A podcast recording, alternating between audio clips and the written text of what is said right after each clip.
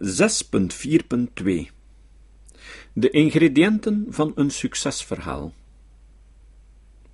Uiteraard heeft deze thesis naast de bovenstaande problematiek nog een aantal andere beperkingen.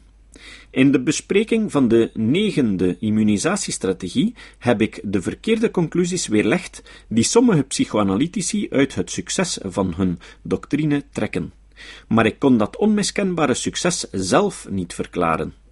In de mate dat dit werk een geslaagde onderneming zou zijn, wordt deze vraag zelfs nog prangender. Waarom heeft de psychoanalyse, ondanks haar totale gebrek aan empirische fundering en ondanks alle immuniserende drogredenen waarmee ze zich sinds jaar en dag in onze cultuur handhaaft, zo'n waanzinnig succes gekend? Alasdair MacIntyre schreef Je ne connais pas d'autre exemple d'un système de croyance injustifiée qui se soit propagé avec autant de succès que la théorie freudienne. Comment ont-ils fait? Het intellectueel prestige van de psychoanalyse is de laatste jaren weliswaar serieus geërodeerd, maar toch stemt het tot nadenken waarom Freud, die al zoveel malen is doodverklaard, tot op vandaag nog een relatief grote schare volgelingen kent.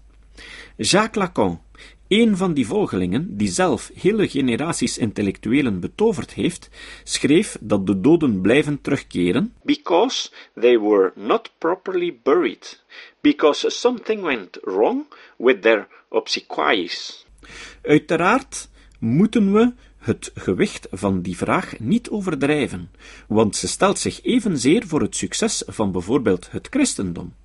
God is al talloze keren meer doodverklaard dan Freud, en ook hij doet vandaag lang niet slecht in deze ondermaanse wereld.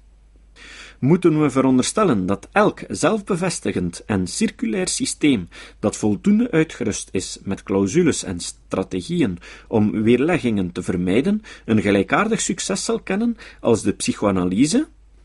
Nee, maar ik meen wel dat de uitzonderlijke vindingrijkheid van Freud en zijn volgelingen om kritieken en weerleggingen te ontduiken, heeft bijgedragen tot hun succes.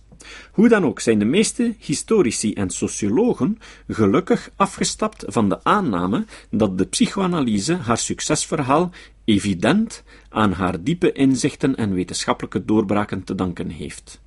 De laatste jaren zijn er dan ook verschillende aannemelijke verklaringen naar voren geschoven die de triomftocht van de psychoanalyse in onze cultuur begrijpelijk moeten maken.